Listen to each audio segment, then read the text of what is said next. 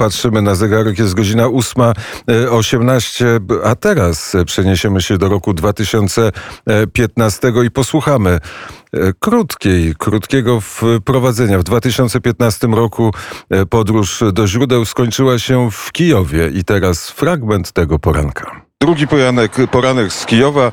E, jesteśmy na Chreszczatyku, jesteśmy w tym samym miejscu, w którym byliśmy, czyli 100 metrów od Majdanu Niezależności e, w restauracji City. Oczywiście w studio jest Paweł Bobołowicz. Dzień dobry, witam serdecznie. E, wczoraj kolejny dzień pobytu w Kijowie, kolejne informacje, kolejne wiadomości, które będziemy Państwu w czasie tego poranka przekazywać.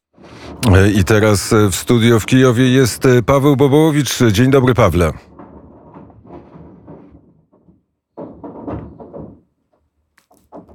W studio w Kijowie jest Paweł Bobołowicz, ale Paweł Bobołowicz nas nie słyszy.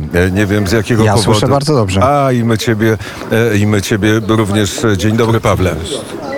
Dzień dobry jeszcze raz Krzysztofie. Kawiarnia City, doskonale pamiętam ten moment. Ta kawiarnia była wyjątkowa z wielu różnych powodów.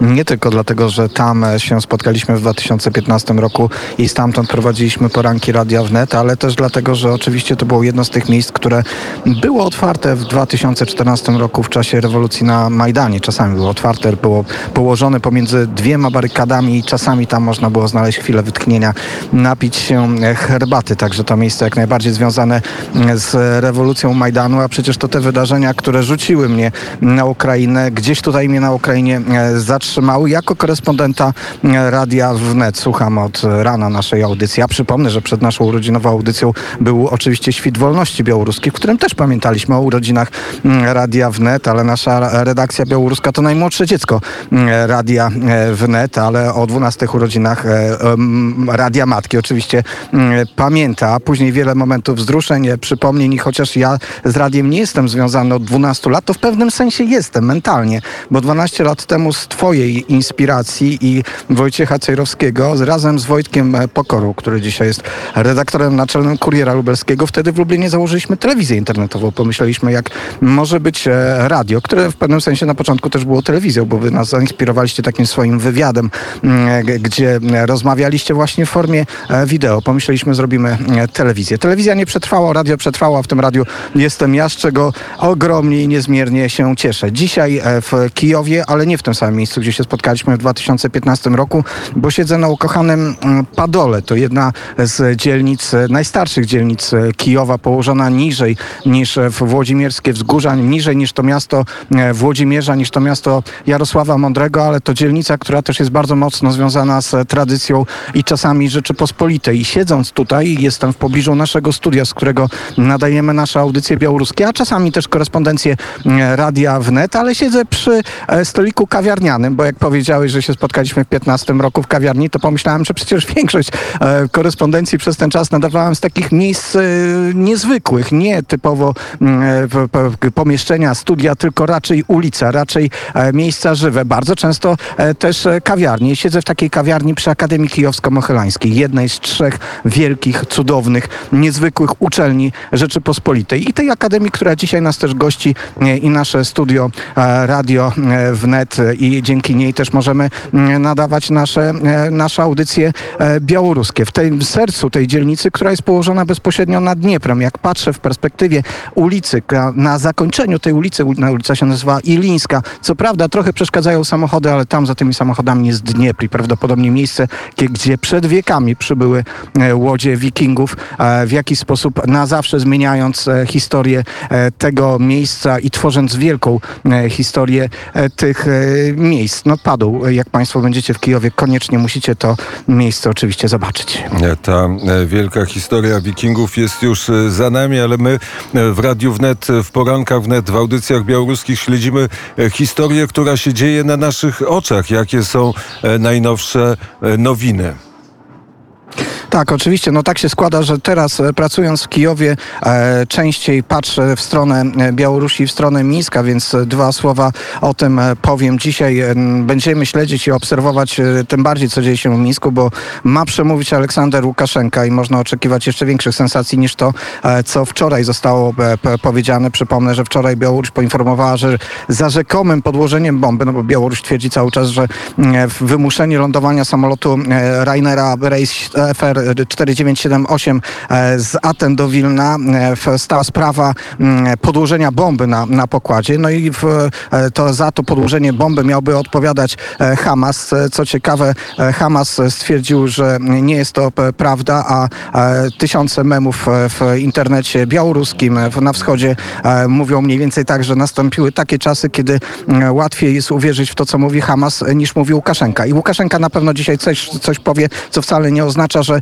będzie to e, prawdą. Tak samo jak e, raczej nie jest e, prawdziwy do końca opublikowany wczoraj film, na którym Raman Pratasewicz sam mówi, tak, faktycznie mówi, mówi, że znajduje się w Mińsku w areszcie numer jeden, stwierdza, że nie ma żadnych problemów ze zdrowiem, że jest traktowany dobrze, zgodnie z przepisami, informuje też, że współpracuje ze śledztwem, składa zeznania, przyznaje się do organizowania zamieszek w Mińsku, ale ci, którzy go znają, ci, którzy obserwują go, ci, którzy prześledzili każdy moment tego filmu, stwierdzają, że te zeznania zostały na nim e, wymuszone, a przecież e, wiadomo, że e, białoruskie służby to są te służby, które są i korzystają i widzimy to w tych dniach z najgorszych kagiebowskich, czekistowskich tradycji. I wymuszanie zeznań to oczywiście mm, jest wielka tradycja tych służb, podobnie zresztą jak zmuszanie się, zmuszanie osób, które zostały aresztowane do publicznego pokajania się i przyznawania, więc patrząc na ten film trzeba jednak mieć w głowie świadomość, że być może obserwujemy w tym momencie największą tragedię e, e, tej osoby, Romana e, Pratasewicza, który znalazł się w tak strasznych okolicznościach, znalazł się mm, w więzieniu łukaszenkowskim i że tam to, co się dzieje, może przerastać nasze wyobrażenie. Zresztą ci, którzy obserwują, mm, obserwowali ten film i analizowa- analizowali go, zwracają uwagę na twarz Ramana. Na niej widać ślady, które mogą świadczyć o tym, że Raman w, po zatrzymaniu był bity, był katowany. No, przypomnę też, że razem z nim została zatrzymana jego dziewczyna. Nie chcę uruchamiać wyobraźni, bo być pewnie, pewnie jest to dalekie od e, profesjonalizmu dziennikarskiego, ale niestety w tym momencie możemy zakładać każdą rzecz i w tym, że e, szantaż, który może być e, stosowany w stosunku do Ramana Pratasewicza powoduje, że możemy słyszeć różne jego wypowiedzi. Tak samo zresztą jak to, co się o nim opowiada i co jest publikowane na przykład w polskim internecie. Państwo doskonale wiecie, że e, w Radiu Wnet e, bardzo dużo też opowiadamy o fejkach. Współpracujemy z programem mm, Stop Fake, który też zresztą jest tutaj realizowany w Kijowie, niedaleko e, ode mnie. Wczoraj w e, polskim internecie e, na e, profilu twitterowym Katarzyny Sokołowskiej, prezes e, Fundacji Wołyń Pamiętamy. To ta sama osoba, która niedawno atakowała wicemarszałek e, e, Małgorzatę Gosiewską za jej wizytę na Donbasie. Wczoraj pojawiło się tam e, zdjęcie, na którym rzekomo ma być Raman Pratasewicz w geście e, pozdrowienia nazistowskiego. Sprawdziliśmy to zdjęcie. To nie jest Raman e, Pratasewicz, ale zdjęcie jest podpisane sojusznik Ukraińców i naszego rządu, naszego w cudzysłowiu, szkolony w eliminowaniu ludności z Donbasu na całe szczęście już w rękach prezydenta e, Łukaszenki. Wśród komentujących Mateusz Piskorski, przypomnę, że ten człowiek jest oskarżony o szpiegostwo na rzecz Rosji i Chin, sugeruje banderowskie sympatie Ramana Prates. Walczy przeciwko temu 26-letniemu e, chłopakowi, dziennikarzowi, który po prostu miał odwagę mówić wprost e, wszystko o e, reżimie Łukaszenki. No przykro, że do tych działań fejkowych, do tych działań zastraszających, do tej propagandy dołączają się też osoby, które mieszkają w Polsce. Ponieważ, Krzysztofie? ponieważ w studiu 37 jest Tomasz Wybranowski, to i Tomkowi zadam pytanie, co media w Irlandii piszą o aresztowaniu Romana Protasiewicza. No właściwie nie piszą niczego, poza tym y, małą, drobną wzmianką, że mm, do czegoś takiego doszło. Więcej było opisów y, związanych z wydarzeniem bezpośrednio y, w, w niedzielę, natomiast jakby tak media irlandzkie skupiają się na tym, co jest teraz istotne.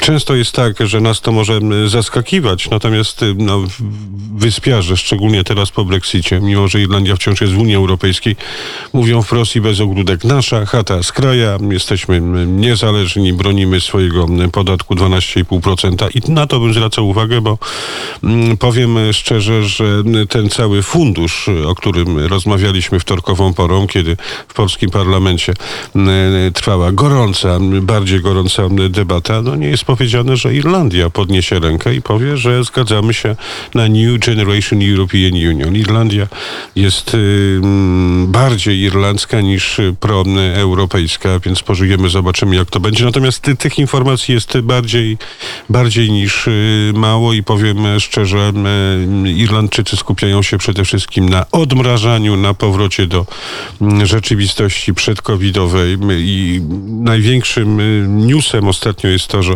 nie będzie żadnych imprez masowych, no ponieważ sektor rozrywkowy i muzyczny chce od rządu irlandzkiego wsparcia i dotacji, aby w 100% odmrozić to, co na tym rynku pod kątem koncertów, imprez masowych działo się przed erą COVID-a. Ale to e, smutne, że e, dziennikarze w Irlandii czy dziennikarze na Wyspach nie zwracają uwagi na e, porwanie i uprowadzenie samolotu w samym sercu Europy, na rozmaite postanowienia Unii Europejskiej i w końcu Irlandia jest członkiem Unii Europejskiej. Wczoraj musiała uczestniczyć w debacie na temat sankcji w stosunku do Białorusi. To, co mnie zaskoczyło, jakoś nie zwróciłem na to uwagi, że był specjalny fundusz europejski przeznaczony dla Białorusi 3 miliardy euro. Miał dostać kto?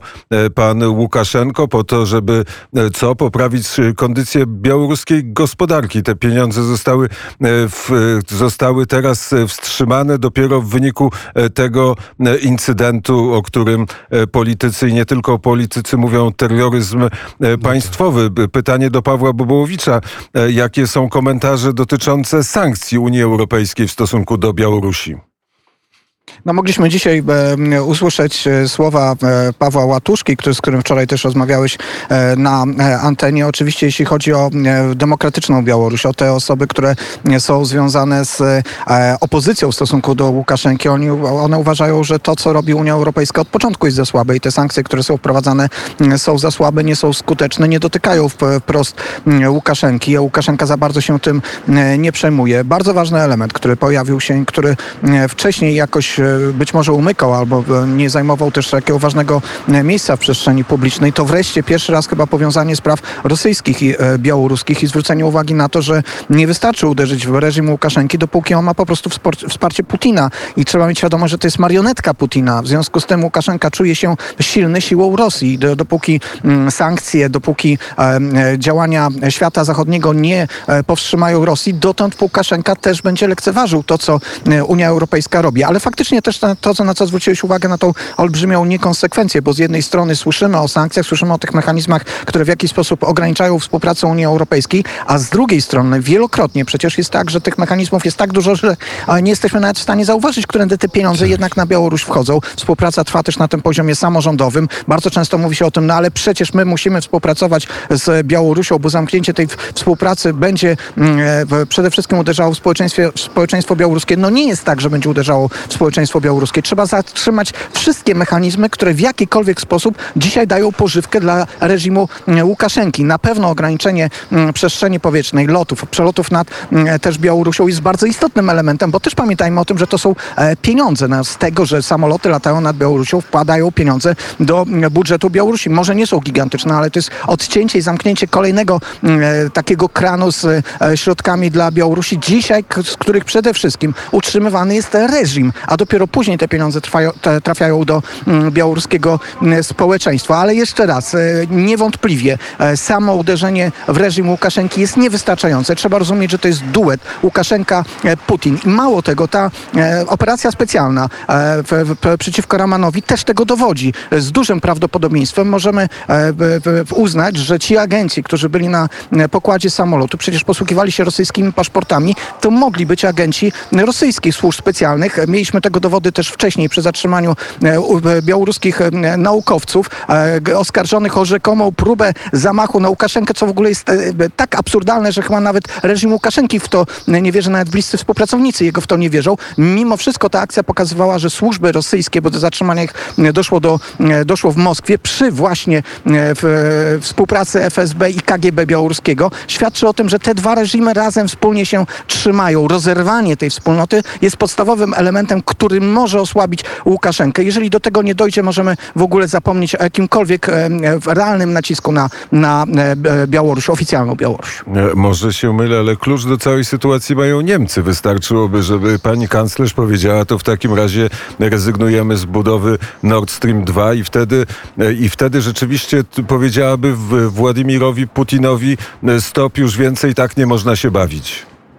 Nie ulega wątpliwości, że to jest e, może jeden z tych kluczy takich największych, ale najważniejszych, ale nie jedyny, bo przypomnę, że jednak Stany Zjednoczone e, też tutaj mogłyby e, spowodować, że Nord Stream 2 stałby się mm, tylko i wyłącznie niedokończonym projektem na zawsze, a jednak administracja Bidena zrezygnowała z tych sankcji, które faktycznie mogłyby spowodować zamknięcie tego, tego projektu. A Niemcy, no cóż, to nie tylko Nord Stream 2, to jest współpraca bardzo szeroka gospodarcza. Mnóstwo firm współpracuje cały czas e, z reżimem e, putinowskim e, i niewątpliwie jest to kraj, który moralnie ponosi odpowiedzialność za wspieranie reżimu Putina, a tym samym też tego, co się dzieje dzisiaj na Białorusi. Paweł Bobołowicz i Tomasz Wybranowski, Studio Kijów. Mógłbym jeszcze jedno zdanie, Krzysztofie? 37, tak. To cieszę się, bo y, wtóruję temu, co powiedział Paweł, natomiast musimy powiedzieć jedną historię. Jest tutaj jakiś grzech zaniechania albo grzech niewiedzy. Bo tak, z jednej strony y, nas dotykają y, no, no, sankcje, bo CUE powiedziało, że musimy zamknąć Turów, a z drugiej strony też nasza dyplomacja do końca nie wie, jak się zachować, jeżeli chodzi o te wydarzenia na Białorusi. Oczywiście Irlandczycy śledzą to no, no, z racji jednej rzeczy, tak jak powiedziałem, że bardziej interesuje ich losy tego samolotu, bo przecież Ryanair Sun to mm, firma, córka e, firmy Ryanair, która jest firmą irlandzką. Natomiast mm, Irlandczycy, jak również wyspiarze zwracają uwagę na jedną rzecz, mianowicie to, że Unia Europejska, podobnie jak organ opatrzony nazwą ONZ, jest czymś, co funkcjonuje, natomiast nie ma żadnej siły sprawczej. I powiedzmy sobie szczerze, e, przykład z wydarzeniami na Białorusi jest dowodem tego, że tak naprawdę Unia Europejska to jest Unia już nie dwóch, ale przynajmniej czterech prędkości, gdzie każdy mm, ciągnie w swoją absolutnie stronę. Natomiast nikt nie przejmuje się absolutnie tymi historiami. My, mówiąc o tych wyrokach CUE, doskonale wiemy, ile wyroków nie ma, nie ma, nie wykonali Niemcy, Grecy, Hiszpanie, Portugalczycy i tak dalej, i tak dalej. Więc no, rodzi się pytanie, gdzie my żyjemy i po co? Czy mamy sankcjonować jakieś historie, które nie trzymają się kupy? No to tutaj polecam y, dla młodzieży, która pewnie nie czyta Tadeusza Konwickiego, przeczytać Małą Apokalipsę y, i ustęp o tym, jak to blok socjalistyczny zmieniał czas, a blok kapitalistyczny również chciał ten czas zmieniać, aby nikt nie wiedział, jaki jest dzień i która jest godzina i chyba to trochę teraz y, tak wygląda z perspektywy Brukseli czy z Strasburga. Jest to kolos na glinianych nogach, kolos, który chce dodrukowywać pieniądze, ale żeby te pieniądze otrzymać, też każdy bank, tam gdzie nie ma euro, będzie musiał to Natomiast y, smutna y, konsekwencja y, tego obrazu jest taka, Krzysztofie, tak patrząc z perspektywy Irlandii, że tak naprawdę każdy kraj w ramach Unii Europejskiej musi bardziej niż się pilnować przed zakusami innych krajów. Przykładem Nord Stream, przykładem dwusłów moralnych, jeśli chodzi o Niemców i Francuzów, mówiących o tym, że tak naprawdę to wielka rodzina europejska wymaga solidarności i stabilności y, w, w decyzjach i działaniach, natomiast no, nie dotyczy to tych wielkich y, i cóż, jak zwykle dostają ci najmniejsi albo ci, którzy chcą wejść do tej rzeczywistej, zjednoczonej rodziny Europy. I myślę, że z perspektywy tych ostatnich wydarzeń i wydarzeń na Białorusi i decyzji albo braku zdecydowanych decyzji Unii Europejskiej, czy chociażby jeżeli chodzi o przykład naszej kopalni linii odkrywkowej Turów. Myślę, że te opinie się zmieniają. Dość popatrzeć na to, co dzieje się we Włoszech, a o tym y, prasa irlandzka też donosi, analizując jak gdyby te pewne historie. No i coraz częściej padają głosy, że jeżeli y, Międzynarodowy Fundusz Walutowy będzie chciał narzucić Irlandii pod y, płaszczykiem dobrych podpowiedzi, aby ujednolicić, tak jak chcą Niemcy, i o tym się nie mówi u nas w mediach, że tak naprawdę Paryż i Berlin chcą, aby ujednolicić te wszystkie stawki podatkowe od osób prawnych.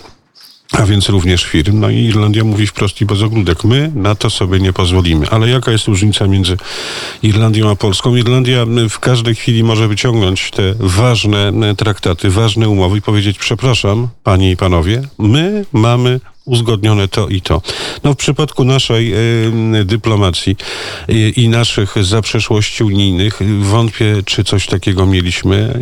To może też jest y, trochę grzech zaniechania dziennikarzy przez ostatnich 20-25 lat, aby po prostu pytać, co rzeczywiście w tych I- tajnych y, umowach jest napisane i, to- co może to potem skutkować nami. Rozgadałem się, i to, za co I przepraszam. to staramy e, się zrobić. Za chwilę, e, Tomku, będziesz miał okazję e, do tego, żeby by zapowiedzieć Lilianę Wiadrowską, która e, jest e, w naszym studiu. Bał, Bałkany, ale to za chwilę. Teraz tylko powiem o kurierze wnet. Powiedziałeś o ONZ-cie, duży artykuł na pierwszej stronie kuriera na temat Organizacji Narodów Zjednoczonych, a przy okazji chciałbym podziękować Jadwidze Chmielowskiej, Jolancie Hajdasz, Magdzie Słoniowskiej, Wojtkowi Sobolewskiemu za trud, który wkładają w wydanie każdego numeru Kuriera Wnet, największej niecodziennej gazety. Teraz krótka przerwa na reklamę. Reklama. Zastanawiasz się, w co inwestować w kryzysie? Nieruchomości